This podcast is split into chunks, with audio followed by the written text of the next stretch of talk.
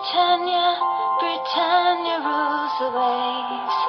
Britons never, never, never shall be slaves. Oh,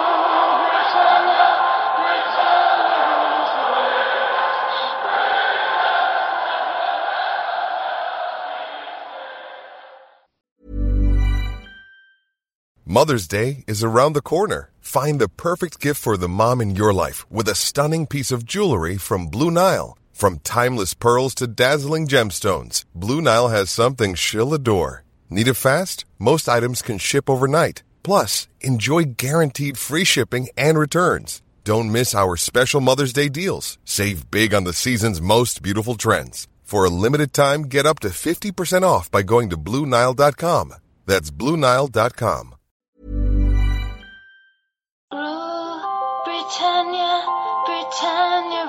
rules the waves. Britons never, never, never shall be slaves. Ooh, Britannia, Britannia rules the waves.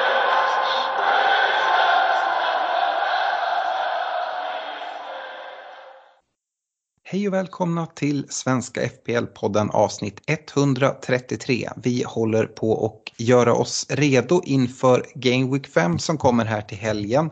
Men ska även plocka ner Game Week 4 såklart. Vi spelar in idag eh, den 14 september, tisdag och Eh, faktiskt min och min frus åttonde bröllopsdag. Men eh, det är sent på kvällen här, hon har gått och lagt sig så nu kör vi. Agenda för dagens avsnitt. Vi ska gå igenom eh, våra byggen och hur Game Week 4 artade sig för oss. Vi ska gå igenom veckans punkter där det finns en hel del intressanta saker att ta oss igenom.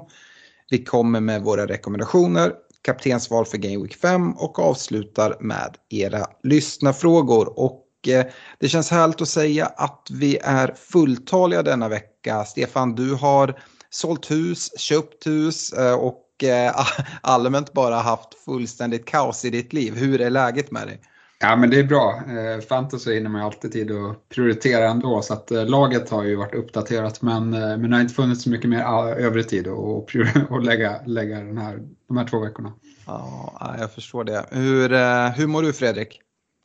Jo men jag tycker mår, mår helt okej. Det känns ju lite tungt att ligga på exakt samma poäng som Stefan när jag har haft all tid i världen att lägga på det här och han har liksom rådat husförsäljning och husköp och så sitter man där på exakt samma pinnar men eh, ja, det är vad det är. Ja, nu är ni tillbaka på samma poäng igen. Eh, Fredrik, du hade en jättefin gameweek här, tog eh, 75 poäng netto eh, och ni båda ligger på totalt 312 poäng med en overall rank på 163 000. Hur känner du för den overall ranken så här långt, Stefan? Du är nöjd antar jag? Ja, men jag är väl nöjd. Eh, Det var lite miss att inte gå för Ronaldo den här veckan, men det, det blev inte så farligt eh, eh, tack vare att både Fernandes och Salah gjorde mål. Eh, nej, och sen Calvert Lewins eh, skada kom ju lite olägligt där, men jag fick in tre pinnar på Bissoma från bänken, så det var väl helt okej det också. Eh, Ja, men eh, det kändes okej, okay. men wildcardet är ju draget nu så att... Eh. apropå wildcard så hade vi ganska stor del av förra avsnittet som, där vi pratade wildcard eftersom jag drog mitt. Och summeringen där är väl att jag är, jag är ganska nöjd även om jag stör mig lite på att eh, kanske inte fått eh, mer info om Calvert Lewin framför allt. Och sen lite sån här stolpe ut. Jag fick 72 poäng den här gameweeken vilket är helt okej. Undvek minus som många tog. Eh, Men oflyt på en eh, Nelson Semedo som har två frilägen.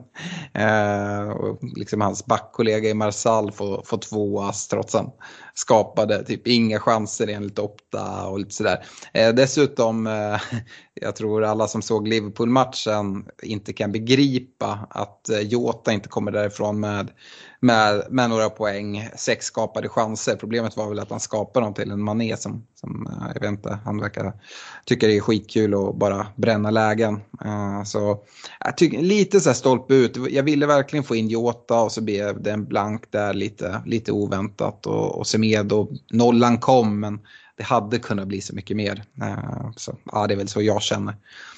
Eh, pratar man eh, byten här framåt så jag har faktiskt tryckt av ett byte redan. Jag brukar vara väldigt försiktig men jag hade liksom eh, planerat innan att äh, men jag ska göra byte. Vi kommer få massa lyssnarfrågor om det här och vi kommer prata om det säkert löpande. Men dels fick ju Antonio ett rött kort, han sitter ju mer eller mindre varenda bygge. Calvert Lewins skada verkar ju hålla honom borta åtminstone en två, tre veckor men eh, risk för även ännu längre. Och ja, då hade jag först tänkt ta, göra Antonio till Bamford. Men eh, nu när Antonio bara missar en och Lewin förmodligen missar eh, ett par matcher åtminstone så, så fick Bamford komma in. Och, ja, jag, känner mig helt okej, okay, nöjd med det. Jag kommer nog inte dra några minus eller så. Ehm, sitter båda ni med Antonio och Calvert Lewin också? Om vi börjar med dig Stefan. Ja, men eh, precis. Jag hade ju dragit wildcardet redan innan, eh, innan Calvert Lewins skada, men jag hade ju rätt mycket problem och sen nu med Calvert Lewins skada och eh, Antonios röda så Ja men jag hade dragit wildcard, även om jag inte hade, plan hade dragit det så hade jag dragit det av bara den aspekten här med för mycket problem i, i truppen. Mm. Så, vi, vi, kan väl hålla lite på ditt wildcard. Om jag går till dig Fredrik, ja. Antonio Calvert Lewin, sitter du med dem? Jag sitter med Antonio men inte med Calvert Lewin. Eh, så det är inte liksom lika akut där och Antonio kommer ju liksom med lite fina matcher efteråt. Så det där är lite smålurigt. Jag gjorde ju två byten på in Ronaldo och Sarr mot, mot Bruno Ings. Mm. Eh, så jag eh, står lite i valet och kvalet här om jag ska spara det här bytet nu eller om jag ska gå för Antonio. Och då är det förmodligen Bamford som, som Eh, den som får komma in. Ett mm. alternativ är ju att gå på, på Jiménez men eh, ja, vi får se, jag har inte riktigt landat i hur jag ska göra. Ja, intressant. Vi kommer komma till mer sådana diskussioner i lyssnarfrågorna för det är typ det enda som folk frågar om. Eh, men Stefan, wildcard, det här är ju spännande. Hur har du resonerat? Eh, det är, det är nog ett väldigt templet eh, wildcard-lag. Jag går inte för så många, så många lag i, om man säger, i wildcardet. Det är, det är en upptrippling på, och jag, jag ska väl säga att det, det kan fortfarande ändras, men, men, som jag sitter nu då så eh, det är en upptrippling i Liverpool eh, med Trent, Salah och Jota. Eh, de har jättefina matcher här på, på kort sikt. Och sen är det egentligen dubbelt United, Leeds, Wolves. Om vi börjar med United så, så har jag gått för Shaw i backlinjen för fortsatt förtroende och Ronaldo på topp. Eh, ja, det var väl ingen som missat att Ronaldo gjorde storstilad comeback här eh, och eh, jag är väl lite rädd för att gå utan honom. Eh, även om Eh, jag ser att jag kommer ju troligtvis ändå byta ut honom när Lukakos matcher blir fina och det är bara två matcher dit. Man kan, man kan hålla honom tre också om man, om man känner för det. Så, så liksom egentligen skulle man väl kunna gå på Lukaku redan här och nu men, men eh, Ronaldo kommer vara tungt ägd och jag vet inte om jag är villig att liksom ta den, den risken. Han kanske har straffat oss redan med, med sina två mål i, i premiären men eh, Eh, jag vet inte, det känns, eh, det känns dumt när man kör wildcard och inte ta honom. Jag vet inte om, om ni håller med där men, men så känner jag. Eh, och Shaws eh, eh, ja, men, eh, potential tycker jag bara har ökat nu med, med Ronaldo i, i bygget. Han, han, Ronaldo är stark på huvudet och Shaw är väl en av de eh, liksom, mest troliga inläggsfötter i United tillsammans med Bruno. Och jag tror att det kan bli några extra assist tack vare det, att Ronaldo spelar. Mm. Eh, sen om vi går till, till Leeds och Wolves då, så har jag gått för, för Bamford och Rafinha i Leeds. Eh, jag är mest intresserad av deras offensiv. I, I defensiven så har det sett lite skakigt ut. Dessutom så är ju Jurente skadad och Ströjk drog på sig tre matchers avstängning här mot Liverpool. Så, så jag tror att det kan vara lite svajigt bakåt. Jag har ju kikat lite mot Messler i kassen men, men eh, tycker inte att eh, jag kan motivera att lägga de extra pengarna där. Eh, sen i Wolves så tycker jag att ja, men ytterbackarna ser fina ut men jag har gått för Semedo. Eh, jag är väl inne på ditt spår där Alex att ja, men jag, han, han är den som fyller på mest och eh, vi såg att han var, hade två frilägen här i helgen eh, och eh, ja, men jag tycker han har sett fin ut. Sen, sen visst, eh, han kanske inte är världens bästa avslutare. Vi får se om man kan slipa lite på det, men, men jag tror ändå att han har mer offensivt i sig över säsongen vad, än vad Marsal har på andra kanten. Och jag känner väl ändå att Semedos plats är mer given också. Han är väl lite yngre och rappare känns det som.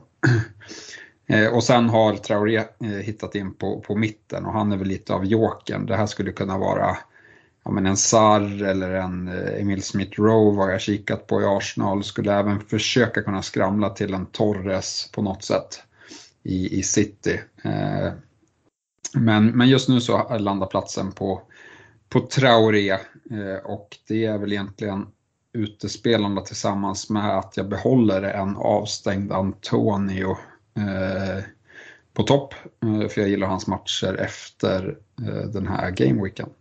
Mm. Hur eh, resonerar du på, på målvaktssidan? Nej, det är Brighton för hela slanten. Sanchez-stil. Eh, jag tycker väl, det, om det skulle vara någon annan målvakt som jag skulle gå för så tycker jag väl ändå att Sai i Wolves har imponerat och sett bra ut. Eh, tillsammans med att, eh, att eh, de, eh, de har sett helt okej ut defensivt. Men jag kanske vill ha Jiménez någon gång och jag sitter redan på två andra från Wolves så då skulle jag blocka det i sånt fall. Jag är inte jättesugen på att trippla upp i något lag om det inte är liksom som i, i Liverpool där det finns riktigt klockrena alternativ. Mm. Eh, så det är väl lite så eh, jag har tänkt. Och bänken är billig men, men eh, spelar alla samtliga just nu i Bissoma, Libramento och Williams. Mm. Yes, det är ganska stora likheter med det wildcard som jag drog eh, förra veckan helt enkelt. Um, men eh, ja, vi, vi går vidare och eh, innan vi hoppar in i, uh, i podden och tar oss vidare, vi kommer ju prata mycket av flera spelare du nämner i ditt wildcard under, under veckans punkter. Vi ska avhandla både Eh, premiumanfallarna och Wolves och Leeds och, och massa däremellan. Så att eh, eh, vi ska rikta ett stort tack till våra partners. Eh, Olka Sportresor, Nakata.se, Unisportstore.se och Glenn Sportsbar. Eh, glöm inte bort att ni har 15% på ett helt köp hos Nakata.se. Använd koden FPL15 så dras det av direkt i kassan där. Sen så Glenn Sportsbar nämnde jag där. Vi har ju ett event inplanerat med Glenn den 16 oktober i eh, Glenn Sportsbar i Gamlestan. Det kommer bli så grymt kul och jag fick eh, uppdatering här. Jag har inte fått, eh, fått det idag men hörde tidigare i veckan här att det var över 100 eh, som redan hade bokat platser. Jag tror att de har 150 platser. Så Eh, det fylls på ganska snabbt där, det kommer vara fullbokat inom kort. Så om ni inte har gjort det, eh, se till att höra av er. Eh, vi har skapat ett Facebook-event på, på, på sidan. Så eh, där kan man såklart eh, skriva att man attendar. Men det gäller även att man bokar bord. Så antingen gå in på, på Glens hemsida eller eh, slå dem en signal och, och boka för, för dig och dina polare så att ni inte missar det här. Det kommer bli riktigt kul. Och Ehm, skrev lite med några av våra patrons som eh, inte är från Göteborg som, som, eh, som skulle komma ner och sådär. Det blir lite en poddresa i, i miniatyr. Man, man drar ner och hänger med liksom likasinnade, dricker bärs och snackar fotboll och fantasy. Eh, kör lite Premier League-quiz ska vi styra upp. Vi har redan börjat med planeringen för det.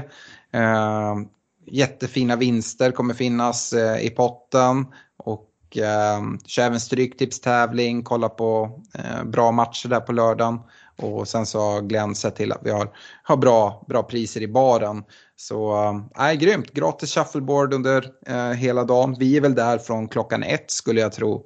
Och, och kollar alla matcherna och är kvar till, liksom, till allt stänger tänkte jag säga. Eh, så nej, det kommer bli grymt kul. Eh, vad eh, ser du fram emot Stefan? Nej, men det här, det här ser man ju verkligen fram emot. Det var ju över två år sedan vi gjorde det tror jag. Eh, vi fick ju ställa in i fjol och det var, det var mindre folk anmälda för två år sedan men det var, det var riktigt kul redan då. Så jag, jag har höga förhoppningar om den här, den här helgen. Ja, verkligen. Vi kommer ju ha utlottning eh, som vi sänder eh, på Facebook Live. Eh, och det blir väldigt live för alla som är på plats av presentkort till våra Patreons. Eh, vi har ju tidigare berättat att vi kommer lotta ut 1000 kronor eh, hos Unisport Store eh, till alla våra patrons. Se vem det är som tar den lotten. Men nu adderar vi även ett presentkort på 2500 kronor hos Olka Sportresor. Som du exempelvis skulle kunna använda på att följa med på den här fantastiska poddresan som vi har inplanerad i vår. Första april till 4 april när vi drar och ser eh, Crystal Palace Arsenal på, på Sellers Park. Så eh, ja, vi kör, eh, kastar med 2500 kronor där också. Så det blir alltså två utlottningar. Eh, och vill ni vara med i utlottningen så gå med eh, som Patreon. Eh, gå in på patreon.com svenska FPL och välj nivå 15 kronor, 25 kronor eller 35 kronor i månaden. Och eh, ja, man får en lott per nivå, det vill säga om du väljer 35 kronors nivån så, så får du tre lotter, 25 kronor, två lotter och 15 kronor, en lott. Eh, så att eh, där tycker ni ska vara med. Man får ju även tillgång till vår Messenger-tråd som är ett riktigt bra mini-community om man väljer nivå 25 kronor eller 35 kronor. Och eh, sen så får man ja, men gå med i vår Patreon-liga där vi också har pris i, i ligan och ja, lite förtur till till event och, och sådana här grejer. Och målet är även att vi under säsong kommer ha lite utlottningar utav olika priser och sådana här saker. Så försök ge lite extra nuggets till alla er som, som sponsrar det arbete vi gör med podden. Och eh, Stefan, man blev ju inte mindre sugen att, att besöka Sellers Park efter eh, helgens överkörning utav Spurs 3-0. Nej, det var fint och eh, Arsenal fick även göra sitt, eh, sitt första mål så det var, det var tre pinnar in på båda de lagen eh, och lite, lite framflyttade positioner i, i tabellen nu efter, efter helgen. Ja, nej, men arenan kokar ju verkligen så att eh, Äh, svinkul och jätteroligt att se att bokningarna trillar in också på, på poddresan. Och även här, precis som bokning av eventet, så är det begränsat antal platser. Eh, vi har 40 platser för den här resan. Uh, och du, jag och Fredrik tar ju tre av dem så det är 37 stycken kvar och sen så har det bokats på här. Så att, uh, ja, vila inte för länge, jag vet att det är långt kvar till april men uh, gör som flera andra och boka på nu så att ni inte missar det. Och jag tror Fredrik sa det bra i förra podden att eh, halva grejen med de här resorna det är ju att boka in det så man liksom har något att se fram emot och varför inte gå med i vår Patreon-grupp och liksom snacka upp resan där. Vi håller ju på att snacka där lite hela tiden. Ehm, och om man inte är supporter till Pallas eller, eller Arsenal så tycker jag häng på ändå. Eh, jag ser verkligen fram emot det här. Jag eh, älskar Sellers Park. Eh, det är en arena man vill uppleva och dessutom jag kommer definitivt att se fler matcher nu när man ändå är i London. Eh, jag tror jag nämnt det tidigare, men Spurs, Newcastle, West Ham, Everton, Chelsea, Brentford spelar eh, samma helg. Vi vet ju inte exakt vilka dagar och tider, men någon av dem kommer man absolut kunna gå och se. Och där fixar ju Olka bra priser på de matchbiljetterna för alla som, som åker med också, om intresse finns. Så ja, det kommer, kommer bli kul. Vi, vi styr upp lite sköna träffar, såklart en bra matchuppladdning. Eh, där vi kör lite quiz och med priser och allting sånt där. Så eh, läs mer om, om, eh, om resan på vår Facebook-sida, Svenska FBL-podden. Men 4 990 kronor kostar del i dubbelrum för, för resan. Och det, är, det är matchbiljetter och det är boende och uppladdning och quiz och hej och Så ja, gå in och boka. Eller vad säger du Fredrik?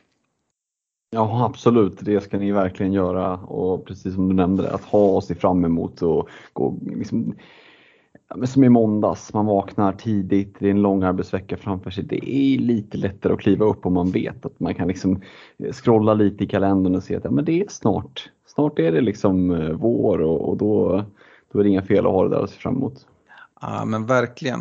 Eh, vi ska hoppa in i veckans punkter och Eh, Stefan, jag tänkte att du kunde få börja här och prata lite försvarslinje. Du har väl eh, stått inför en del val här när man kollar på eh, om man, ja, i ett wildcard så kan man ju kasta om allting. Och det är lite så här om man ska gå billigt eller dyrt och vad finns värdet. Så ja, take it away. Nej, men jag tycker väl att eh, man ser nu framförallt med liksom Ronaldo och Lukaku i spelet, folk försöker hitta pengar för att eh, uppgradera sina offensiva spelare. Eh, men det finns ju defensiva ja, men fynd, ska eller de, de dyra defensiva spelarna ska man man, jag, jag hade inte dragit mig från att byta ut till exempel en Trent och han visar ju den här, eh, i den här gameweeken vad han har för nivå. Det är en assist och eh, det är nolla och det blir tre bonus. 12 fina pinnar in. Eh, men liksom det är inte bara han utan jag ser väl, tycker Ja, men Robertson är helt bortglömd i diskussionen just nu. Eh, det beror väl mycket på att, eh, att Firmino är skadad och folk gillar Jota. Eh, men, men inför säsong så snackade vi om, om att kanske den bästa upptripplingen i Liverpool var med, med Trent, Robertson och Salah. Som jag var inne på i mitt wildcard har jag gått för gett Shaw fortsatt förtroende. Inte blivit så mycket nollor hittills, kommer säkert komma.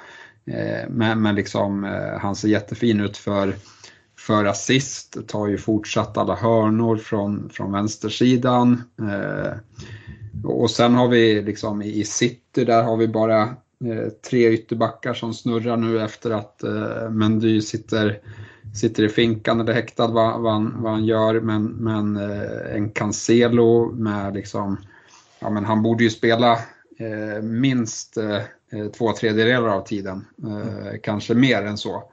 Eh, med tanke på hans, hans nivå. Och han visar ju också i den här gameweeken att han kan ta poäng. Men jag tänker att där, får, där kommer man få någon bänkning här, här och där. Men, men hans nivå när han spelar och poäng per match är ju, är ju riktigt hög. Så kan man hitta en, en bänk som fyller i då när han, han är borta, vilket man såklart inte kommer veta när det är. Eh, men eh, en spelare som jag kikar mot, absolut. Eh, samma sak tror jag är lite med Reece James. Dock så hoppas jag väl att Reece James ska ja, få spela kanske ännu mer än, än Cancelo. Vi har sett till exempel Alonso spela nästan varenda minut här i inledningen av säsongen. Så och jag vet inte vad Chilwell har gjort för att inte få spela alls. Eh, men, men så har det ju sett ut och jag tänker med Reece James som, som fick ett ja, men, rött kort för hans och, och han är tillbaka nu efter avstängning och startar i Champions League i, idag. Eh, jag tror att han, eh, ja, men, han är klart bättre ytterback än, än vad Hudson och Doy är skulle jag säga och jag vet inte, Aspilicuetas liksom han börjar komma till åren. Han, han, är, inte, han är inte gjord för det, en ytterbacksroll, i, i, i alla fall inte i, i den här delen av sin karriär, eh, utan gör sig bättre i en trebackslinje. Eh, så, så nej, jag tror att Reece James har den där platsen rätt, eh, rätt mycket redan faktiskt. Ja. Det, det, är bara liksom ett exempel på att det finns riktigt mycket bra backar och som, som kan ta poäng. Eh, jag får inte glömma Cresswell som, som redan sitter på åtta fina pinnar här i, i gameweeken. Det, det kryllar av dem och jag tror att man ska dra sig från och man ska ha eh, två, tre bra dyrare backar ändå i, i bygget eh, tror jag. Ja, men det tror jag med. Sen finns det ju bra alternativ lite längre ner. Du nämnde Semedo som, eh, som du, du lockas av, även Marsal där i, i, i Wolves. Så att, Alltså det, det, finns ju billiga backar också som, som gör det bra. Men, eh, och, och de här, vi hittar fyrnollor som, som spelar. Så att någon sån kanske man har, har ändå. Det kanske inte handlar om att köra en fembackslinje med, med Trent, Rob och eh, Cancelo och, och en uppdubbling i Chelsea-försvaret. Men Ehm, jag håller helt med. Eh, jag, jag tror jag talade mig väldigt varm förra veckan om att liksom, Trent, han ska ingenstans. Han får bryta ett ben om han ska lämna mitt bygge. Eh, och, och, där står jag verkligen fortfarande. Men ehm, nej, eh, ja, jag tycker att det finns absolut. Nu Chelseas spelschema vänder. Det finns absolut ett case för att dubbla upp det försvaret med en, en James och en Rydiger exempelvis. Och, Uh, ja, men, samma City spelschema kommer ju lätta här inom inte allt för lång framtid. Du nämner Cancelo men Diaz ska väl också kastas in där. Så att, alltså, det finns verkligen mängder med alternativ och Ehm, jag tror, jag, tror, jag tror inte på att gå superbilligt i backlinjen för att få in de här tre premiumalternativen i alla fall. Hur, uh, hur tänker du Fredrik? Ja, så... Nej, jag kommer inte att liksom eh, köra liksom rakt av budget i backlinjen för att nå tre premiums. Men eh, det finns mycket mid-price mittfältare eh, som, som jag ändå är sugen på. Och sen så en stark fronttrio. Alltså det blir inte mycket pengar kvar. Så det är lilla täcket. Antingen så är det tårna som får frysa eller så får du inte dra det ända vägen upp till hakan. Så det är klurigt, det är det. Finns det så många mid-price mittfältare som är superintressanta? Jag hade lite problem här när jag skulle gå till rekan. Det finns ju sådana här, så här absolut, vi har, vi har varit inne på liksom Rafinha, Sar, Traoré. Men det är ingen där man känner så här, wow, här kommer det verkligen komma poäng. Och kollar man deras prisklass 6,0, 6,5 ser jag att liksom Traoré kommer outscora eh, en Reece James eller en eh, Cancelo. Jag vet inte, gör, gör han verkligen det? Eh, jag tycker det finns enormt mycket värde, värde i försvaret. Det är i alla fall så, så jag resonerar. Det är väl att det finns lite högre tak på Traoré kontra ja, kanske James var ett dåligt exempel, men, men generellt sett så, så finns det väldigt högre tak på, på mittfältarna, tänker jag. Ja. Backarna. Ja, just de här attackerande eh, försvararna. Eh, kanske jag kan hålla med i till viss del om, om Diaz eller, eller Rydiger och sådär, men, men James och, och Cancelo, jag tycker taket är liksom Ja, men det, finns nästan, det finns nästan inget tak. Just den här nollan med sex pinnar och sen offensiv utdelning eh, på det, ja, men då är bonusen där också. Eh, så att eh, jag tycker taket är, är väldigt, väldigt högt på, på många av de här eh, lite dyrare försvararna. Robertson ska också inkluderas där. Ehm, så aj, det, det finns många, många val att göra. Och Ehm, jag, jag är inne på, på det, det Stefan säger på att lägga lite mer pengar på försvarslinjen. Kanske inte liksom fembackslinjen som, som jag kikar mot utan jag tycker det är fint att ha de här spelande 4,0 försvararna där man ändå kan spara in lite pengar. Men eh, vi har ju även spelande 4,5 mittfältare som, som gör det bra. Eh, men eh, om man pratar anfallsformeringen nu, om går över till en av mina punkter. Eh, Stefan, du var inne på det, både Lukaku och Ronaldo gör två kassar var. Eh, men det finns fortsatt mycket värde i mid-price anfallsleden. Eh, nu har vi ju liksom en Calvert Lewin och en Antonio som, som definitivt missar eh, Game Week 5 men ändå är intressanta här framåt på sikt skulle jag säga. Antonio missar en, Calvert Lewin tror jag kommer bli en spelare som kommer vara jätteintressant så fort han är tillbaka om han um, visar lite form, form tidigt och inte blir borta allt för länge. Men Bamford, Jimenez, en Callum Wilson som också förvisso är skadad nu men som kommer komma tillbaka och är en talisman för sitt, sin klubb i Newcastle. Ehm, um, där under finns det ju också intressanta spelare um, på anfallssidan. Så för mig så liksom alltså, tre anfallare ser jag som det mest gångbara eh, oavsett vi pratar hur många försvarare och mittfältare man ska ha. Tre anfallare, ja, men där är i alla fall jag ganska eh, liksom satt och varav en premium utefter spelschema. Till exempel ja, med Ronaldo nu, switcha till Lukaku och att man kommer under säsong kanske få, få spela lite där och då kollar man på vem man utav dem som man förmodligen vill kaptena här eh, i liksom kommande, kommande veckor. Eh, jag tycker att Ronaldo eh, eh, liksom trumfar Lukaku och tog in honom i förra veckan. Däremot är jag inte helt säker att jag gjort samma val den här veckan. Nu drar du wildcard Stefan men Eh, alltså jag älskar verkligen Lukaku här mot Spurs i Game Week 5.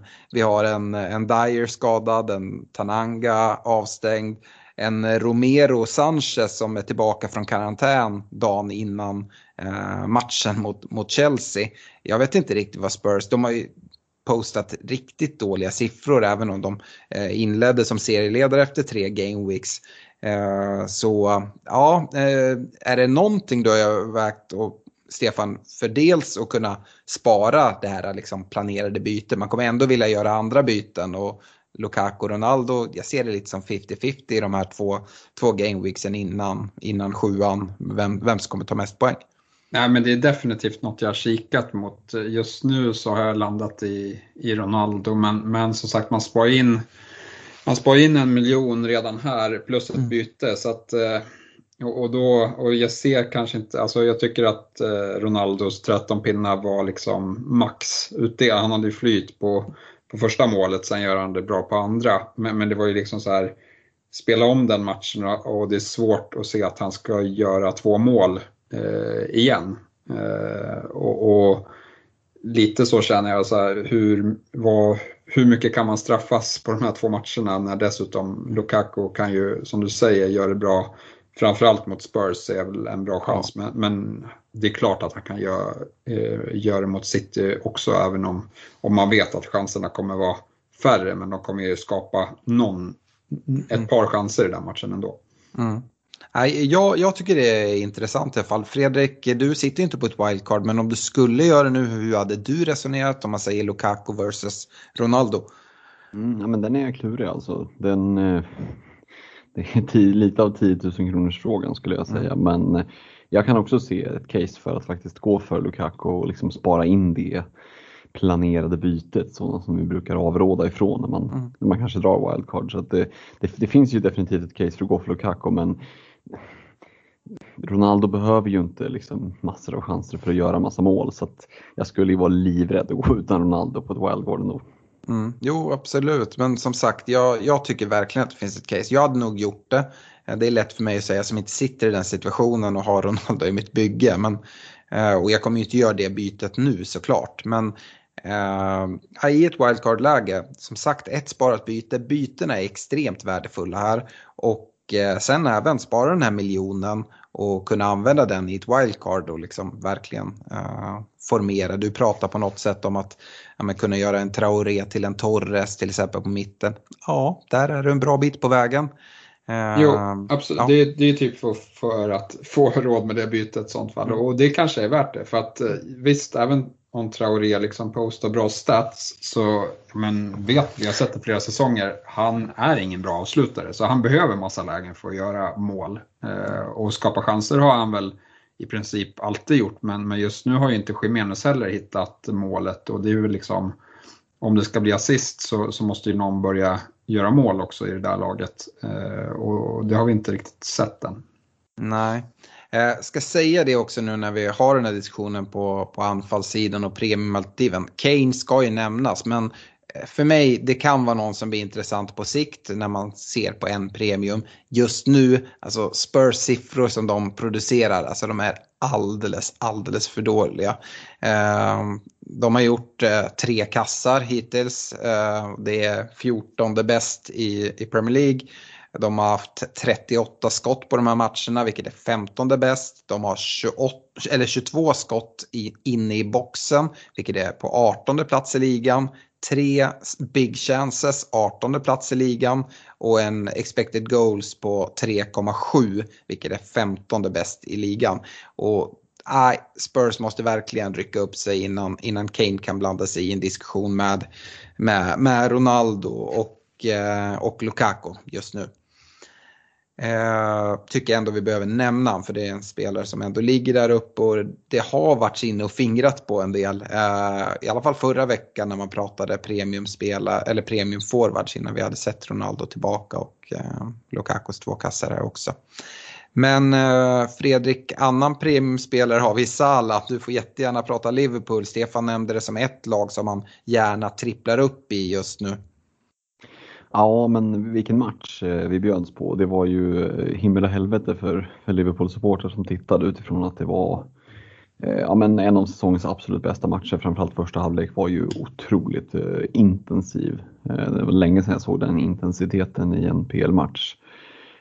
och lite som du var inne på i början där liksom, Mané, hade han bara liksom vaknat på rätt sida då hade han ju gjort fem mål istället för ett. Eh, för det blev ju nästan lite patetiskt till slut att han skulle liksom få göra mål till varje pris. Till och med Salah passade honom när han var fri. Då hade ju Jota fått lite poäng också. Ja, exakt. Det, det var just, jag var ju tacksam på ett sätt att han inte, inte satte dit några av passningarna från Jota.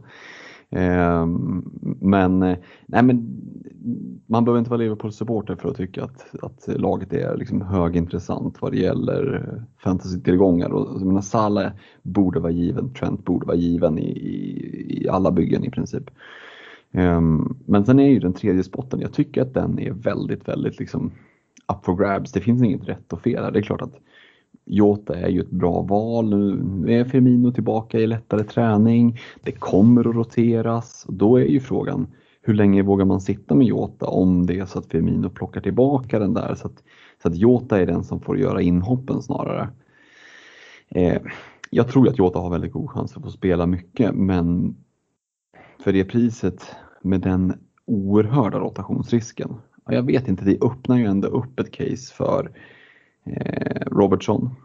Vi ska ju inte glömma en, en Joel Matip ändå.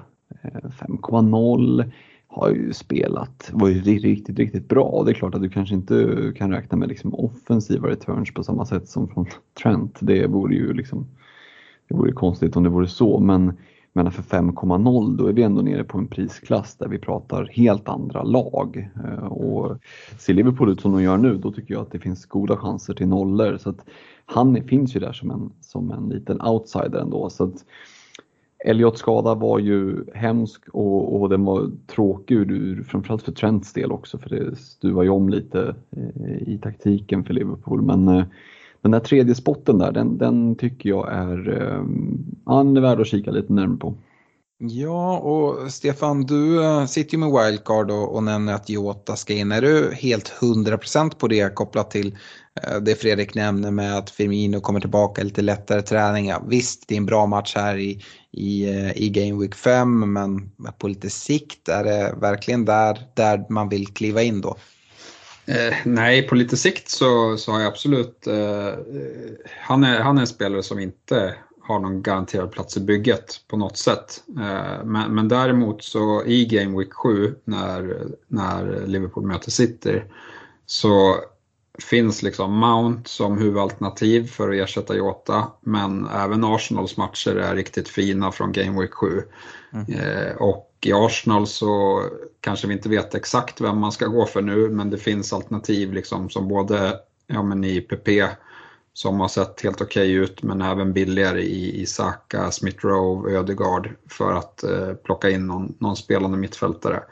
Sen tycker jag att man kan nämna eh, Gallagher i, i, eh, Crystal Palace. Om han fortsätter som han har inlett eh, säsongen eh, så är han en jättebudgetspelare att hålla utkik efter. Och, och Palace matcher kanske inte är superbra men, men liksom eh, för det priset så kan man absolut sitta med en, med en formtoppad Gallagher. Eh, och, och det finns matcher liksom hemma Newcastle, hemma Wolves, eh, där, där som, man, som man också skulle kunna gå för, eh, få ersätta Jota om det blir så att hans eh, minuter blir begränsade.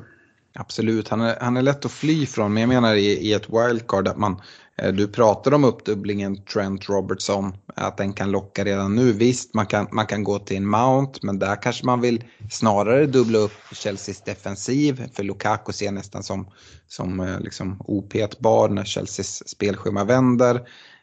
Um, ja, eh, jag tycker, jag tog in Jota förra veckan, men då lite med förhoppningar om att Firmino skulle vara borta li, lite längre.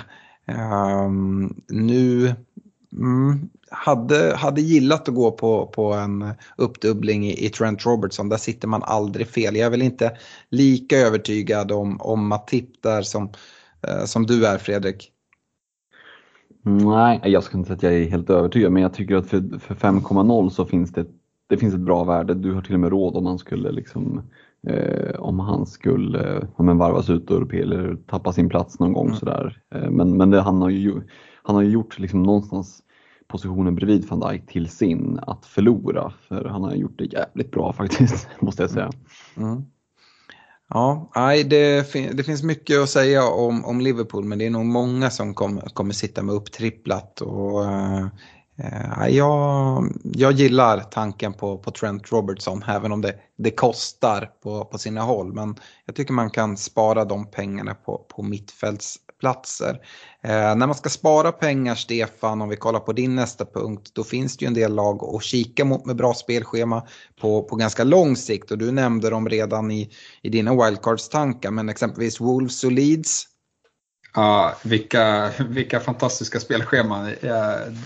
De har ju, måste ju ha liksom alla svåra matcher eh, efter varandra sen. Eh, men, men just här och nu så, om vi börjar med Leeds, jag tycker kanske inte de har liksom visat så mycket än, men, men liksom vi vet ju vad Bamford eh, går för. Vi vet att Rafinha är farlig. Det vi fick se i helgen var ju att, eh, att eh, det var Harrison som byttes ut i, till förmån för, för Dan James. Eh, och eh, det är väl det jag hade förväntat mig på förhand. Det här var väl lite av en, av en bekräftelse att, eh, men, men visst, Rafinha kommer säkert också få något, eh, kanske något tidigare eh, byte så eh, på grund av den här eh, Mm, förvärvet, men, men ingenting som håller mig borta från honom. Sen, sen tror jag att det är svårare defensivt eh, just nu, men sitter man med Eiling så sitter man kvar ändå. Eh, han, han eh, kan absolut spelas. Eh, in, jag tror inte att det blir jättemycket nollor här, men, men eh, inte ett byte att prioritera tycker jag inte.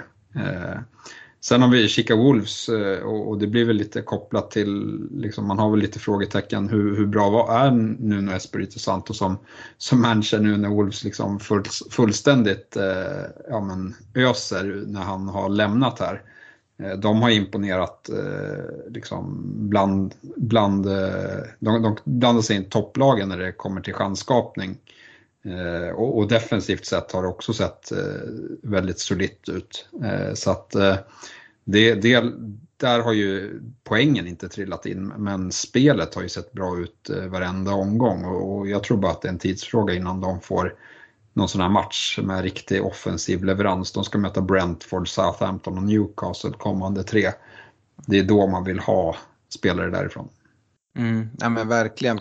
Pratar vi, pratar vi Leeds först och en, en Luke Ayling så delar jag din syn på att man inte behöver prioritera det bytet. Samtidigt med de skadorna som är och hur det har sett ut defensivt vet jag inte hur mycket man ska räkna med nollor. Vi har även en Jorente skadad som du nämnde tidigare och, eh, och även en Struik som eh, blir utvisad. Så jag, jag förväntar mig nästan att Eiling ska spela mittback här nu kommande matcher vilket inte är så positivt för han sett till potential offensivt. Men eh, äh, jag hade inte prioriterat det bytet. Eh, utan det är ju liksom, jag gillar Rafinha, jag gillar Bamford eh, och liksom gå på Leeds offensiv. Eh, jag förväntar mig att Bielsa nu kommer eh, gå över med det här fina spelschemat till en liksom så här all out attack och liksom bara köra som vi vet Leeds kan göra. Eh, och då, då sitter man fint där med uppdubblingen på, på, på Bamford och, och Rafinha tycker jag. Wolverhampton Ehm, jag tycker att man kan ställa spelare emot varandra här eh, i backlinjen. Vi har redan pratat Marsal versus Semedo. Ehm, eh, Marsal är ju billigare och jag tycker inte att han är ointressant på något sätt. Jag tycker han har flyt i den här matchen där han kommer iväg med, med två assist då. Ehm, men samtidigt, han och Semedo skiljer sig ganska mycket åt i, i spelstil. Kollar man på Marsal hittills den här säsongen så han snittar 5,8 Eh, crosses eh, jämfört med Semedo som snittar 3,0. Så han spelar in en hel del mer och borde ha goda chanser till assist då. Eh, Semedo däremot har vi sett liksom skurit in mer och kommit in i straffområdet. Som sagt den här matchen har ju två liksom, hundraprocentiga lägen, alltså riktiga frilägen. Jag vet inte om ni inte har sett eh, höjdpunkterna så, så gör det. Eh, sen så hotar han ju fortsatt med liksom, inspel och sånt också men eh, han har även det här. Jag gillar uppsidan på Semedo. Jag ser också hans startplats över tid som mer gjuten i Wolves medan Marsal skulle kunna tappa sin plats om det blir några lite sämre insatser från hans sida. Um, så ser jag på liksom försvarssidan. På mittfältet tycker jag också det finns en likadan grej att göra. Ställa exempelvis en Traoré mot en Trincao. Eh, Traoré eh, har ju sett jättebra ut, det har även Trincao gjort. Eh, jag gick på Traoré eh, och tycker väl fortsatt att jag liksom lutar mig hellre dit. Och det är framförallt på grund av speltid egentligen. Eh, vi har sett Trincao bytas ut ganska ofta, så här, runt 60 minuter. Jag tror att det kan fortsätta. Det finns en hel del, del konkurrens där. Eh, Medan Traorés plats tror jag är lite mer säker. Eh, så så resonerar jag. Jiménez är väl liksom anfallaren om man går på, på Wolves-spåret där. Men eh, samtidigt kanske jag kan tycka att det, det räcker att gå på en av de offensiva ytterbackarna. Eh, och Eh, en, en offensiv mittfältare. Eh, delar du min syn på Marsal vs Semedo och Traoré Trincao, Stefan? Ja, men jag tycker det är framförallt Semedo. Jag har sett eh, Wolves en del i år och jag tycker att Semedo har tagit de där löpningarna i, i, i princip varje gång han har spelat men han har inte fått passningarna. Eh, så, så liksom, han fyller på extremt bra. Nu, nu fick han passningarna men då kunde han inte sätta dit eh, lägena istället. Så vi får ju hoppas att, att de fortsätter passa honom när han kommer eh, och fyller på. Eh, för, för, någon gång ska det väl lossna. Mm. Eh, sen på mitten, där delar jag absolut. Eh, Trincao tycker jag har fått liksom, allt mindre speltid och han är ju en ung talang så att, eh, det kan nog gå lite, lite i vågor med hans, eh, hans speltid och form, tänker jag. Medan eh, Traoré är mer etablerad i, i laget. Mm. Eh, ett annat lag som jag tycker är värt att nämna alltså, och du redan var inne och tjuva och fingrade lite på Stefan, det är Crystal Palace och det är min nästa punkt. Eh, och här ska jag krypa till korset. Jag trodde inte alls på de här inför säsongen. Trodde att det liksom skulle börja talas om Veras vara eller icke vara redan vid, vid, den här tiden. Men jag är inte sämre, kan ändra mig. Eh, hatten av för, för vad Vera har gjort med, med Crystal Palace. Och Eh, alltså mot Spurs, eh, det var ju en rejält övertygande seger, inte bara på pappret. Eh, kollar man eh, expected-siffrorna så är det 3,0 versus 0,09 i XG. Uh, och jag tycker det speglar, det handlar inte bara om uh, att Spurs får en utvisning utan även innan den tycker jag att Crystal Palace uh, på riktigt är överlägset Spurs. Uh, vi får se ett inhopp här från Edward uh, som kom från, från Celtic. Uh, det ska ju bli intressant att se. Han, han, gör ju 10 minuter och två mål och det är väl lite flyt och jag tycker att Vera liksom med fötterna på, på jorden även hyllar Benteke och hans arbete och slit innan Eduard. Men det är ju svårt att hålla en så het spelare utanför startelvan så att han kommer nog komma in. Eh, uh, Wilfred Zaha ska nämnas som, uh, som tog straff trots att uh, Milovojevic var på planen. Och han kommer nog fortsätta göra det och, och vara på straffarna och han är inblandad i allting. Frågan är ju om man kan gå för en Zaha när vi har en så fin spelare som Gallagher på mittfältet som, som du pratade om Stefan. Eh, för 5,6 så eh, i pris då har han redan tagit 26 fantaspoäng. Snittar alltså 6,5 poäng per, per omgång. Uh, tar frisparkar och hörnor.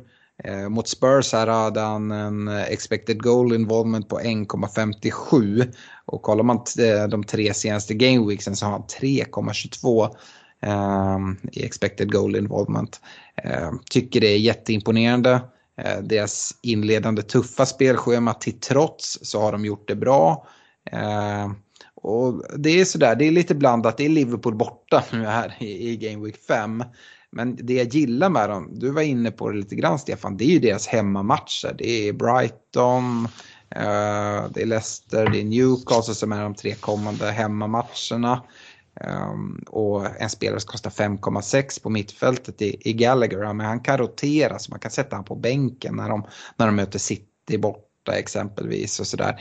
Um, ja, jag, jag gillar Gallagher och vet inte hur länge man egentligen ska, ska vänta med honom för att jag ser inget så superläge då deras spelschema liksom lättar upp och vi ser som för Wolves och Leeds att de har liksom eh, sju, åtta matcher på rad som är super, super bra utan eh, det är någon tuff match här och där men sen finns det bra matcher och jag tycker de har bevisat sig nu och jag tycker faktiskt att man redan nu kan börja, börja kika mot en, mot en Gallagher. Eh, och om man inte tar in honom till den här gameweeken, det kanske jag förstår om man inte gör det och många har, har anfallsproblem och eh, liksom fokuserar byten på annat håll och dessutom så, så är det Anfield borta som sagt. Men eh, inom kort absolut en av de eh, mest intressanta mittfältarna.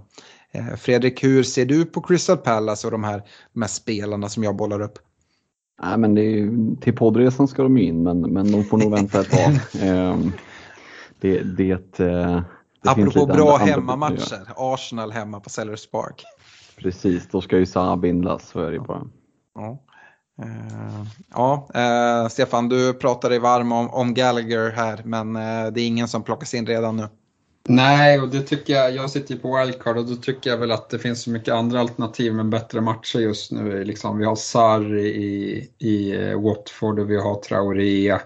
Eh, och sen tror jag att det kommer bli en diskussion lite eh, och se för att jag tror att det kan finnas fynd i, i Arsenal men, men där vill jag se någon match till eh, lite hur Arteta ställer upp. Jag tror inte att vi kommer få se så mycket rotation från Arsenals sida här med tanke på att eh, det inte har, är något Europaspel i år. Så att, eh, ja, men börjar det se bättre ut, vilket eh, liksom det ändå fanns tendenser till mot Norwich, även om det var just Norwich som stod för motståndet, så eh, tror jag att eh, liksom, eh, vinner Arsenal så kommer det vara eh, samma startelva vecka efter vecka. Eh, går det sämre då, då kommer det såklart eh, finnas risk för att, att det byts lite mer. Men men eh, ja, nej, jag kikar mot, eh, mot Arsenal kanske lite mer just nu eh, om jag ska ha någon budget eh, mittfältare.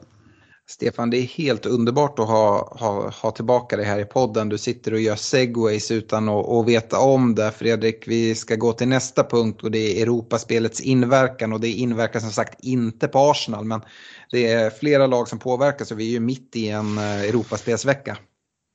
Ja men så är det ju och sen kan vi ju inte dra för stora växlar redan nu för det är ju precis nu det startar. Men jag tycker ändå det är värt att göra en, ett snabbare stopp eh, och kika lite på Ja, men vi, vi fick ju, han ju se United-matchen här och se startelvorna på, på Chelsea och vi ser ju att oaktat resultaten så, så är det starka elver man ställer upp. Det är ganska genomgående att det är ju i princip samma liksom starka startelva som har, som har startat de flesta PL-matcherna och det tror jag vi kommer kunna se. Eh, så här i början, utan kanske att det kommer rotation lite längre fram. Ehm, det är svårt att veta vad det här kommer innebära. Kommer det att vilas folk liksom i nästa, nästa Game Week? Nej, kanske inte, men det är klart att spela dubbelt, det är inte alla spelare som klarar av det och speciellt inte alla positioner beroende på lite på hur mycket man löper. Så att, ehm, ja alltså, de har ju också lite olika typer av grupper. Vi ser ett United som förlorar eh, idag mot Young Boys men som ju har en ganska tacksam grupp med Villarreal och Atalanta där som kommer kanske att kunna eh, ta sig förbi där ändå. Men jag menar City för en gångs skull har de fått en tuff lottning med PSG och Leipzig och så, så där är ju frågan nu har ju City en bred trupp förvisso, men, men där liksom kommer ju Pep. Han kommer inte kunna ställa ut liksom Zack Steffen och, och och Rory Delaps grabb på plan, det kommer inte att hålla liksom. Um, att, Nej men sen det... som du är inne på också, United, ja men deras grupp ser väl helt okej okay ut. Sen ska man ju aldrig underskatta någon i Champions League. Men att, att de torskar första matcherna borta mot Young Boys efter Wan-Bissakas utvisning. Så det gör ju att ja, men, det kommer ta längre tid för dem att säkra ett givet avancemang om de ens har möjlighet att göra det. Eh, så så det kommer fortsätta spela starka, starka lag. Eh, vi såg rotation redan i förra gameweeken i Premier League då vi såg en Mason Mount som de flesta ser som ganska säker i Torshälls eh, ändå liksom tombola. Nu, nu så startar ju han idag mot Zenit och Ja, men uh, jag, ja, nu gjorde Lukaku precis 1-0 också för Chelsea. Så hans målform håller i sig. Men uh, det är, uh, ja det, det, kommer påverka. Och nu pratar vi Champions League. Jag tycker att det ska bli superintressant att se hur West Ham tar sig an Europa League. vi vet liksom till, till Game Week 5 nu så, så är det West Ham, Manchester United, Ja, eh, vad kommer West Ham spela med? Kommer de spela sitt bästa lag i Europa League här på torsdagen? Eh, vad är det då för liksom, hur är eh, liksom West Hams ben och kanske framförallt huvuden. Det är ju ett lag och med spelare som kanske inte är vana att spela så mycket, mycket Europaspel. Uh, så att jag tycker även Europa League-lagen är värda att, att nämnas här när vi pratar Europaspelets inverkan. Ja men så är det ju absolut och kikar man på just Western där så Cresswell så fall, låt säga att båda skulle liksom vilas eller dra på sig små skavanker. Jag tror att de även de mest inbitna Premier League fansen har, som inte håller på West Ham har svårt att bara direkt namedroppa vilka två som kommer att ersätta. Det är inte så att man sitter liksom som, som City eller Chelsea med liksom två rätt hyfsade ersättare utan där bakåt framförallt är ju West Ham ganska tunna. Alltså. Mm. Nej, så är det. Uh, Stefan, hur resonerar du kring Europaspelets inverkan? Vi hörde, hörde dina tankar kring Arsenal då, men uh, jag tänker framförallt på de lag som spelar i Europa. Nej, men det är här som, som Arsenals eh, och alla andra lag som inte spelar i Europa som ändå är bra lag. Och då tänker jag väl på Wolves och Leeds och, så som, som gynnas eller har en fördel nu här när, när Europaspelet drar eh, energi. Eh, sen tycker jag väl något, någonting, om man ska ta med sig någonting från dagens laguppställningar så här är väl ändå, och liksom med West Ham, om de kommer med en stark elva på torsdag det är ju att eh, vad Greenwood blir helt plötsligt mer intressant som vilas i, i Champions League eh, samtidigt som, som man möter just West Ham i, i ligan eh, till, till helgen. Ja, nej, verkligen. Jag, jag instämmer i det. Uh, vi får se hur, hur Liverpool och City ställer upp i, imorgon, men jag förväntar mig uh, starka, starka elvor där. Uh, Går vi vidare då till, till veckans rekommendationer nu när vi avklarade med, med våra sex punkter från, från veckan så ska vi såklart börja med försvarsrekar och eh, Stefan vill du inleda med, med tre försvarare som, som du kikar mot och jag förväntar mig nästan att de sitter i ditt wildcard nu eftersom att du sitter, sitter där och kan välja exakt hur du vill. Ja, precis. Jag har väl inte gjort några reka riktigt så, men det är ju Trent, eh, Shaw och, eh, och Semedo som jag håller som, som högst eh, här och nu. Mm. Fredrik, delar du Stefans synpunkter? Vi var ju extremt lika sist vi gjorde, gjorde rekar. Ja, men jag tänker att vi skulle sticka ut lite mer och plocka Eiling, Livramento och Robertson. Eh, jag tycker att Eiling gör det bra, Livramento är ett väldigt bra komplement som är prisvärt och Robertson med den låga TSBn tillför ju någonting. Det här innebär ju inte att du inte ska ha Trent, men, det, men det ska väl liksom tilläggas. Men jag tycker att Robertson fortfarande med den låga TSBn, ja, det finns ett, ett värde där. Mm. Ja, eh, vi, eh, jag, jag är också inne på Trent. Jag, jag kan liksom inte ta bort honom. Snittar 8,5 poäng per match. Liksom. Jag, eh, och jag vill, vill nämna honom så mycket just eftersom att folk sitter och håller på att pilla på karn. Jag vet inte vad ska han göra liksom, för att man ska förstå hans värde. Eh, det är ju, kollar man på hans liksom underliggande siffror så det är ju som de absolut allra bästa mittfältarna. Dessutom får han poäng för nollor och spelar i ett lag som Liverpool som dessutom håller en hel del nollor. Eh, som sagt, Trent, jag vet, inte, jag vet inte hur länge jag ska ha kvar honom på min backrek. Skulle kunna ha honom hela säsongen men kanske bara ska, ska fokusera på något annat snart. Men han får vara med den här veckan också. Eh, sen delar jag Stefans uppfattning på en Semedo där. Um, jag, jag gillar verkligen vad jag ser och spelschemat. Uh, och uh, sen så har jag gått på en Tierney i Arsenal. Uh, samma pris som, som Semedo och Arsenals spelschema ser fint ut. jag, jag gillar verkligen eh, Tierney, också en spelare som har chans till, till offensiv utdelning, något jag gillar i, i försvarsleden. går vi vidare på mittfältet Eh, så får du gärna börja Fredrik. Mm, där har jag valt tre stycken lower mid price kan vi kalla det för det. Eh, vad det gäller prissegmentet och ja, det är bara riva av dem. Det är Rafinha, Traoré och Sarr. Jag tycker att det finns ett jättevärde där på 6,5 prisnivån. Och vi har ju varit inne på att man måste liksom skrapa pengar för att ha råd med Trent, ha råd med en eh, stark trio där framme. Eh, och gärna kanske få lite över till någon hyfsad back. Ja, men då är ju de här tre, Rafinha, Traoré, Sarr, jag säger inte att man ska ha alla tre, men de är ju möjliggörare tycker jag.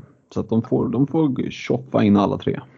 Ja, eh, jag gillar ju verkligen det. Jag, jag backar alla tre av dem, men eh, i mitt, i mitt fall har jag faktiskt valt att ta bort Traoré eh, och istället ersätta med en, en Gallagher i Crystal Palace. Jag, jag tycker att det, Eh, han är lite billigare än de övriga som vi nämner. Eh, Rafinha 6-5, Sar 6-0 och så har du Gallagher då 5-6. Eh, och en sån där spelare som ja, men man kan rotera lite eh, ut efter matcher. Eh, snarare än ja, men Rafinha startar man i stort sett varje match och det gör man nog med Sarr också. Um, så ja, jag gillar det. Uh, Stefan, har du tre mittfältare att kasta upp på bordet? Ja, men det har jag. Jag, jag gillar väl de ni nämner, men, men Rafinha är solklar etta för mig på, på mitten. Eh, sen, sen, tycker jag liksom man ska ha Salah, men, men han är väl ingen riktig rek så. Det, eh, utan jag, jag, går på Jota och jag är inte så orolig för, för Firmino. Jag tror inte att han är tillräckligt frisk till, till helgen och sen om han är tillbaka mot Brentford så, så tror väl jag på en, på en bänkplats inledningsvis då han har varit borta ett antal veckor och, och liksom, jag har svårt att se att han går rakt in i, i startelvan eh, till den matchen och det räcker för mig eh, här och nu men det kanske är lite baserat på att jag har tänkt lite utifrån mitt eh, wildcard också. Ja, man ska väl även nämna det om Jota, liksom att eh, Firmino kommer tillbaka, absolut. Men så kommer han tillbaka från en skada och sen så är det dags för ett nytt landslagsuppehåll. Då ska han åka iväg till Brasilien. Eh, eller vad som nu händer med allt det här. Vi får väl se med, med rödlistade länder. Men det kommer ju också spela in och försvinner han iväg då, ja men uh, game weekend efter landslagsuppehållet. Ja, jag har ju svårt att se att då uh, Firmino ska, ska starta före Jota oavsett om han är frisk eller inte. Så det är ju ytterligare ett case för det skulle jag säga. Ja, precis. Och sen, och sen min sista gubbe är väl Traoré då. Jag tror att jag nämnde två bara. Men, men ja. Traoré eh, får en, en, en chansplats lite grann. Ja, du, du, du nämnde ju en spelare till där och det är ju ett tips för dem liksom, eh, att verkligen sticka ut och gå på Mohamed Salah. Eh, ja, men det är ju inte alla som har honom så att...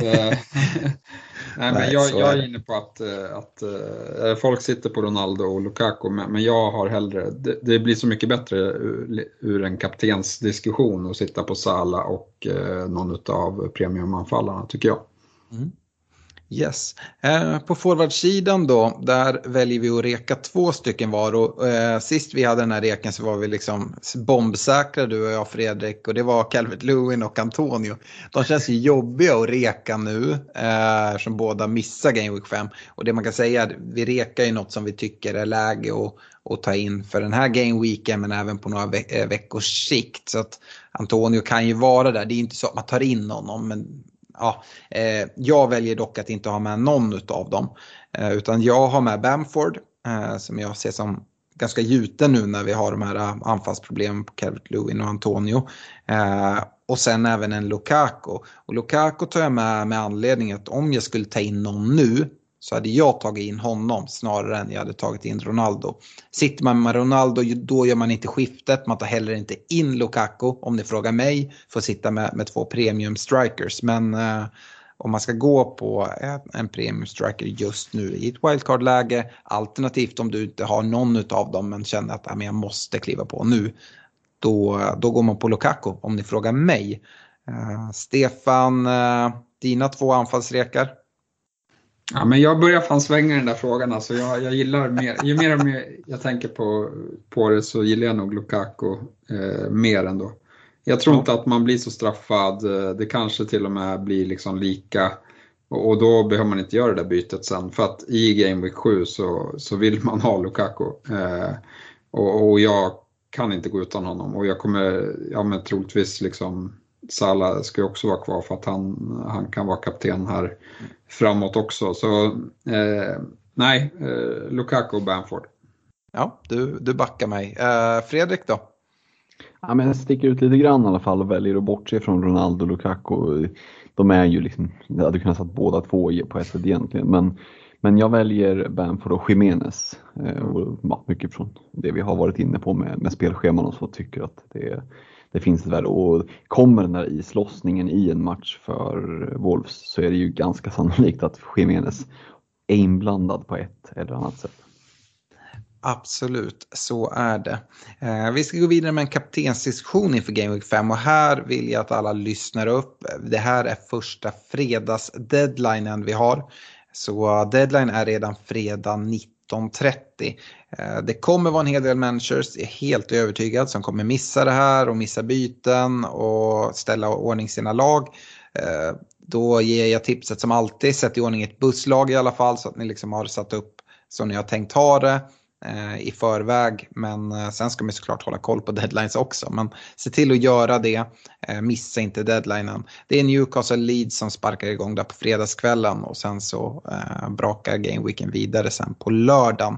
Men ja, även om Newcastle är vad de är så kollar inte jag på kapten i, i den matchen. Utan Eh, Eh, jag tycker att det ändå finns en liksom standout i, i Mohamed Salah hemma mot ett Crystal Palace som jag förvisso har hyllat en del i, i veckans punkter och, och, gillar verkligen vad jag ser och de har gjort det bra mot, mot svåra motstånd. Men Salah hemma på Anfield som har sett riktigt bra ut, både Salah och Liverpool i sig tycker jag har sett bra ut. Ehm, jag kan inte se mig gå på något annat val än Mohamed Salah den här veckan. Nej, och, och det, jag delar precis det. Det enda lilla orosmomentet är väl att, eh, att Harvey Elliot är, är borta nu och att hur det eventuellt ska påverka. Men jag tänker Henderson kommer in där och, och det, det, borde finnas goda möjligheter för, för att, slå Crystal Palace på, på hemmaplan tycker jag. Eh, så, så jag backar också Sala.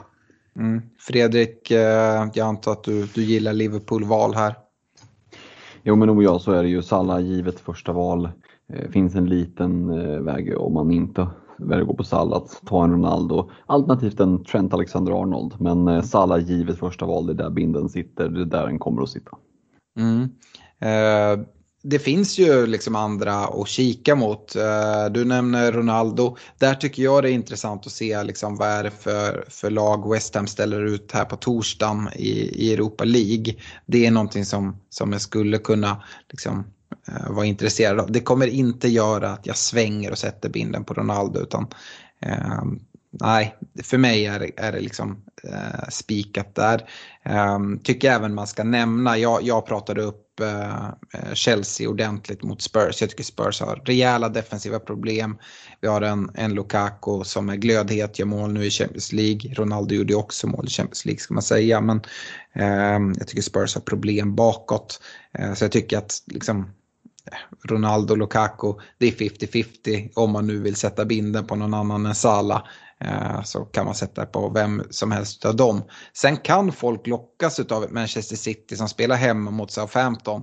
Men jag är livrädd för bindlar på City. Jag är alltid livrädd för jag kan liksom inte läsa pepp och det kan lika gärna vara att jag får, får ett fem minuters inhopp på min, min kapten. Um, är det någonting som Eh, som ni hade vågat att kika mot då är det i så fall någon specifik spelare som är mer trolig än någon annan. Nu är det svårt att säga här innan deras Champions League-match men jag tycker att även när vi ser Champions League-elvan så kan inte jag läsa, läsa pepp. Hur, hur tänker du Stefan?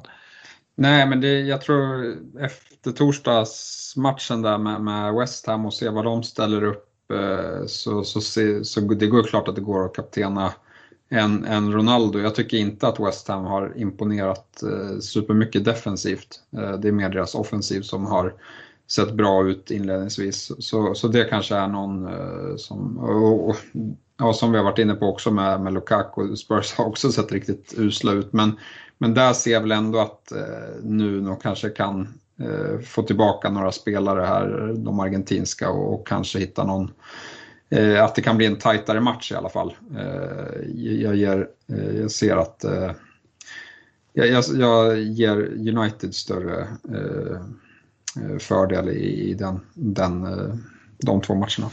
City-resonemanget? Ja, nej, vem, vem vågar kappa någon därifrån? Det, och, och, Southampton, visst de kan ju, de kan ju, har ju visat att de kan åka på storstryk men, men men eh, det inga, finns inga sådana tendenser just nu i alla fall. Nej. De har sett helt okej ut. Ja. Eh, Fredrik, eh, vill, vill du sticka in något om, om City? Är det någonting man vågar? Nej, inte så länge De Bruyne inte är tillbaka och sitter i bygget. Då håller vi oss därifrån. Mm. Eh, nej, men då summerar vi så. Eh, Sala är vi nog alla ganska överens om och ska man liksom väga honom mot Ronaldo och Lukaku som vi ändå pratar upp lite grann så spelar ju Liverpool ändå hemma på Anfield medan både United och Chelsea eh, reser bort för att ha, ha bortamatcher. Och, ja, det är den här hemmainverkan. Jag, jag tycker ändå att det, det är värt, värt att lyfta. Eh, för mig Eh, så kommer binden vara på, på en Mohamed Salah om inte han skadar sig här i, i morgondagens Champions League-match. Ehm, vi ska gå vidare med lyssnarfrågor uh, och eh, jag pratade om det tidigare, det är många som har ställt frågor om, om Calvert Lewin och, och Antonio. Jan Öster till exempel, han funderar på att byta bort en Calvert Lewin mot Bamford eller Jiménez och undrar hur vi hade valt inför de, man kollar liksom kortsiktigt, de, de tre närmaste gameweeksen. Eh, jag är ju rätt, eh, rätt såld på en på en Bamford eh, före en Khemenes. Jag tycker att Khemenes kanske lite känner inte riktigt igen han, varit borta länge och sådär. Känns inte riktigt som en lika sån killer inne i boxen. Eh, Fredrik, du hade ju båda som, som rekar. Om du ska ta in någon utav dem mot Calvert Lewin. Är det på, på min sida där i Bamford att han väger över eller ja, hur står du? Ja, men jag lutar nog mot att göra, i mitt fall kanske då Antonio istället till, till Bamford. Mm. Ehm, och visst, man kan gå på Jiménez, det är lite mer av en chansning än TSB som är en tredjedel av Bamfords också. Så det är klart att eh, väljer du Jiménez och han tar poängen, ja då, då eh, cashar det in. Men i, det är svårt att bortse från Leeds eh, spelschema. Eh, och som du säger nu, nu tror jag att Bielsa är redo att släppa lite på, på tyglarna. Mm. Um Ja, eh, både Chris Carlson och Robert Jonsson är inne på samma sak. De sitter precis som mig med eh, Ronaldo, Antonio och Calvert Lewin. Men bara ett fritt byte och liksom resonera kring, kring minuspoäng eller om man bara ska byta en. Eh, eller till och med om man ska spara bytet och spela, jag tror Robert Jonsson nämnde typ Brandon Williams och Cissoko. Uh, Ja, eh, Stefan, jag var inne och pratade om det. Jag siktar nog på att behålla en Antonio som bara missar en vecka. Plocka Calvert Lewin och, och, sätta in Bamford. Eh, hur, hur, resonerar du i, i, en sån här situation? Alla sitter ju inte på ett wildcard som du. Nej, men exakt likadant. Det låter ju som att Calvert Lewin minst missar två matcher och eh, sen har de United eh, om tre matcher mm. borta. Eh, så, så liksom, för mig är det tre tre dåliga, eh, eller så han, han spelar inte och sen, sen eventuellt spelar han borta mot United. Vilket inte känns så lockande heller och så lång tid har man inte råd att bänka någon enligt mig. Eh, framförallt inte när det finns så, så goda alternativ i, i Bamford eller Jiménez. Hur resonerar du kring minuspoäng och, och, och plocka båda? Till exempel skulle han kunna ta in både Bamford och, och Jiménez säkert. Eh, absolut, det kan han ju göra om han vill. Men, men, och det kan ju vara rätt för att eh, som sagt, vi vet inte så mycket om West Ham och hur de gör i Europa, framförallt med, med då just Antonio. Han kommer ju väl troligtvis spela den här matchen bara på grund av att han är avstängd i ligan. Men, men efter det så har han liksom Leeds, Brentford, Everton och Tottenham. Och det, det är bra matcher. Alltså, jag, jag tycker att eh, inget av de lagen har sett bra ut eh, defensivt eh, än så länge. Eh, intressant att höra vad, vad, du säger här Fredrik. Du är ju kanske den som är mest emot minuspoäng men som både uppar både en Jiménez och en Bamford. I en sån här situation om man står mot att ta minus fyra och få in båda dem eh, ut med Calvert Lewin och Antonio eh, eller att bara plocka Calvert Lewin då och plocka in en och så blir tvungen att spela exempelvis Brandon Williams eller en Cissoko här i, i Game Week, uh, Game Week 5 som har, har ganska okej okay matcher ändå men är väl inga man förväntar sig några stordåd av direkt. Nej, jag hade inte tagit minuspoäng för det. Jag tycker att det är alldeles för, för hög risk för mitt sätt att spela utan eh, jag hade gjort på sin höjd kanske ett byte. Hade jag suttit med både Calvert Lewin och Antonio-bygget hade jag gjort ett byte. Eh, för min del som sagt, det lutar åt att ta in Bamford. Det kan också landa i att bara spela eh, Ronaldo för min del och spela 5-4-1. Eh, spara bytet. Det, jag hade kanske inte gjort det om jag suttit på, på båda Calvert Lewin och Antonio. Men nej, inga minuspoäng hade, hade jag. Det hade inte varit aktuellt för min del. Nej, eh, då är vi ganska all, eh, överens allihopa här. Calvert Lewin är den som, som man bör uh, kika mot och att minuspoäng, ah, jag vet inte. Det kan vara det om man har en jättefeeling för Jiménez. Eh, men eh, jag, jag sitter ju med, i exakt den här situationen. Eh, och jag kommer ju bara göra ett byte och det är Calvert Lewin till Bamford. Adam Malik, han undrar här och kastar in någon helt annan anfallare som vi inte alls har pratat om, Stefan. Han undrar vad vi tycker om Maximan som ersätter Calvert Lewin. Han har gjort det bra hittills och, och spelschemat ser bra ut för, för Newcastle. Ja, eh, men, men, han anfaller ju mer eller mindre själv hela tiden. Eh, så att eh, jag vet inte. Jo, han har sett bra ut, men, men jag är inte helt övertygad om att han kommer göra så mycket mål och, och liksom som anfallare så, så jagar jag i alla fall målen för då brukar det kunna leda till bonus när de väl kommer och, och det blir liksom man får dubbelt betalt lite grann. Det är de forwardsen som jag kikar mest mot och där, där placerar jag inte San Maximan eh, riktigt. Nej, alltså jag sågar inte. Jag tycker att St. Maximan har sett fin ut. Sen går man ner på den där, han kostar väl 6,5 om inte helt fel för mig. Eh, då ska ju liksom Pukki med i en sån diskussion som, som är ännu billigare, 5,9. En Eduard i eh, Crystal Palace som gjorde det så pass bra är också prisad 6,5. Så där nere finns det liksom eh, lite alternativ också. Då vet jag inte om ens Saint Maximin är det, är det bästa alternativet utav, av de som, som ligger där omkring. Så att eh, för egen del så är det ingen spelare som jag kikar mot men eh, jag förstår eh, Adams tankar. Eh, Martin Westin, han, den här frågan kan du få, få Stefan. Han undrar vad vi har för tankar om Arsenals offensiv. Är det värt att plocka in en Aubameyang här istället för Calvert Lewin och, och, och Antonius frånvaro? Inte bara inför den här omgången utan även långsiktigt sett till det fina spelschemat. Nej, jag tycker inte Arsenal har visat upp eh, tillräckligt mycket än. Eh, jag, jag, jag tror Norwich får mycket svårt att klara sig kvar i Premier League. Jag har, jag har väl tyck, liksom rest frågetecken kring dem redan innan säsongen började när de började sälja sina, sina stjärnor. Eh, och liksom, hittills så har det sett riktigt vidöppet bakåt ut. Och jag tror Arsenal hade 30 avslut mot Norwich här, i, men, men det är ingenting som säger att Arsenal var fantastiska för det. Eh, jag tror att det mer säger hur, hur mycket problem Norwich har just nu. Eh, så att, nej, jag tycker att vi ska avvakta Arsenal lite till och det finns så mycket bättre, billigare forwards, tycker jag, eh, i de här mittengängen än vad Aubameyang eh, står för. Så att eh, om det är någonstans jag kikar i Arsenal så är det ja, men liksom back, de billiga backarna, Tierney och, och de billiga mittfältarna. Mm.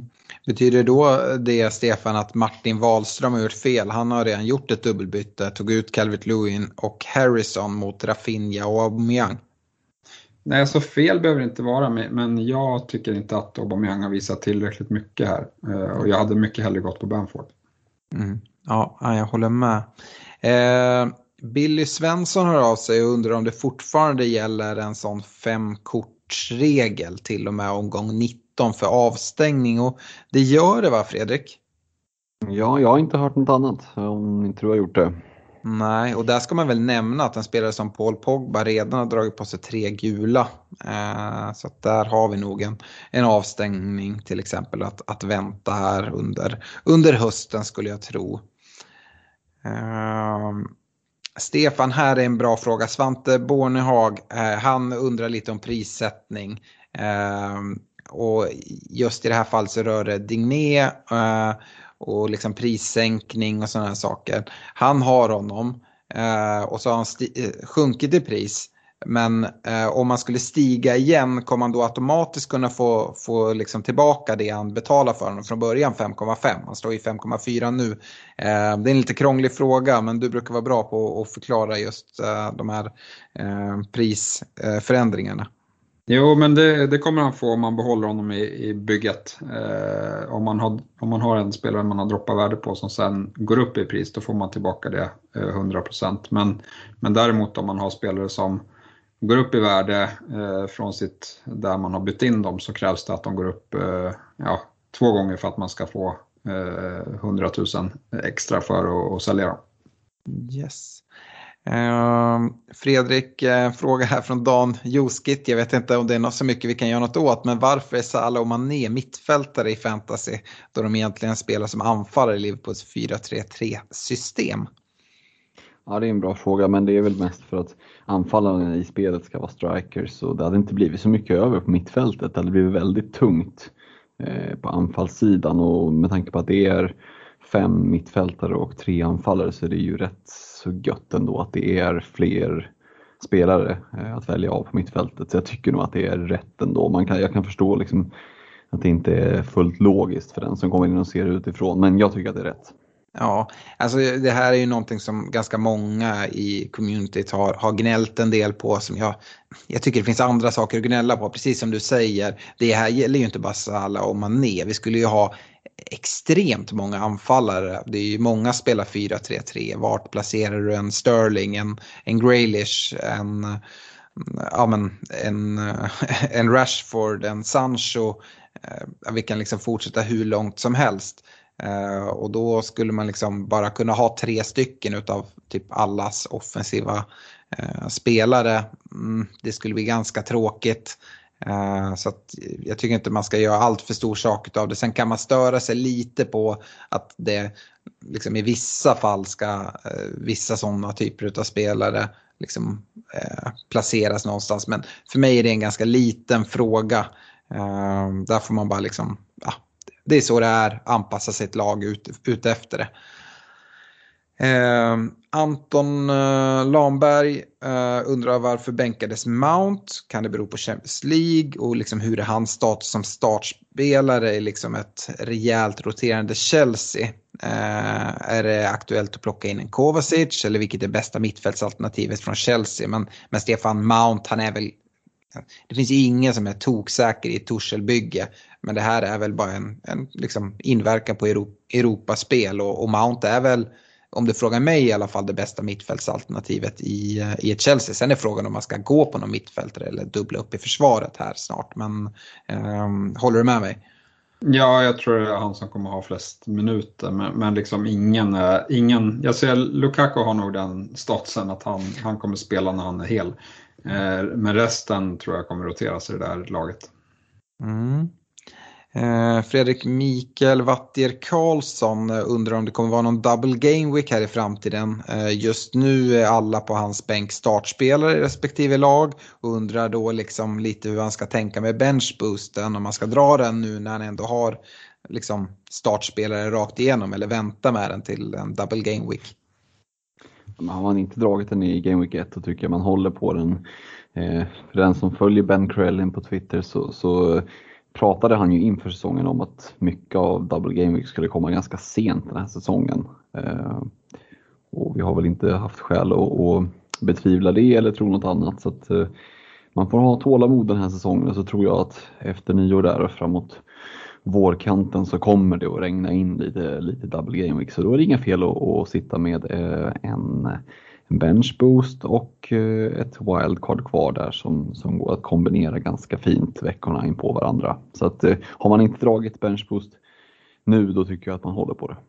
Ja. Eh, Stefan Pontus Gundlycke, vi har, vi har ju liksom pratat upp Wolves en hel del, pratat ner Eh, även prata upp Chelsea som ska möta Spurs. Han undrar om det är värt att ta minus fyra för att göra Reguljon till en Semedo. Absolut. Nej, inte minus fyra för, för ett backbyte är ju svårt att räkna hem. Eh, så är det ju. Eh, så, så det, det, nolla är aldrig säker och, och liksom fin, ja, Nej, jag tror inte Reglon håller nolla, men det finns, det finns, det kan bli 0-0 liksom. Det, mm.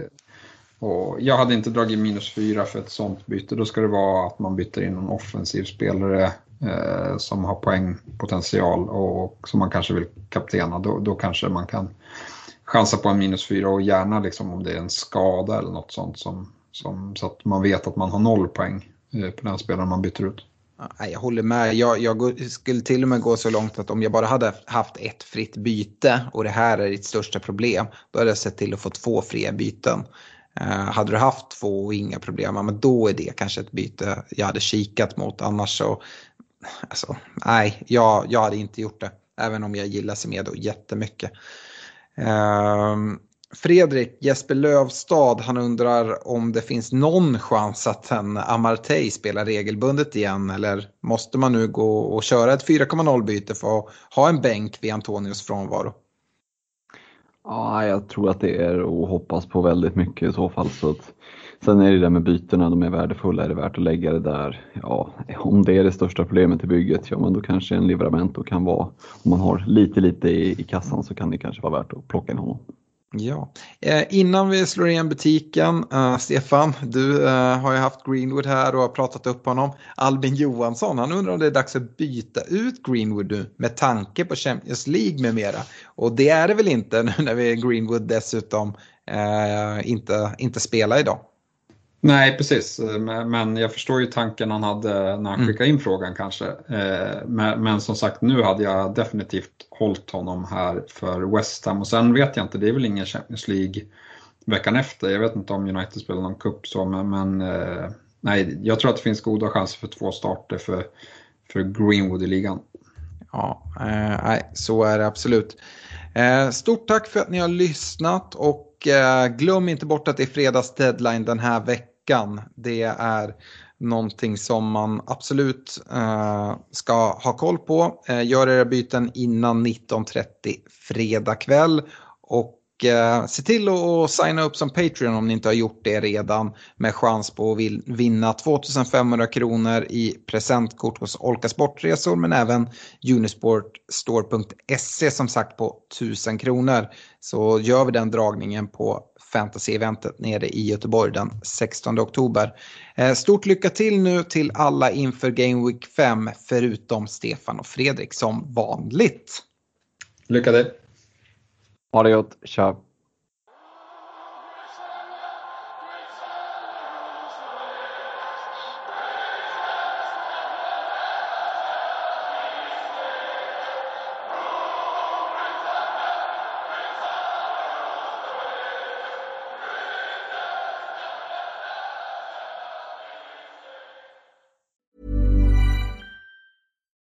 Deserves the best, and there's no better place to shop for Mother's Day than Whole Foods Market. They're your destination for unbeatable savings, from premium gifts to show-stopping flowers and irresistible desserts. Start by saving 33% with Prime on all body care and candles. Then get a 15-stem bunch of tulips for just $9.99 each with Prime. Round out Mom's menu with festive rosé, irresistible berry chantilly cake, and more special treats. Come celebrate Mother's Day at Whole Foods Market.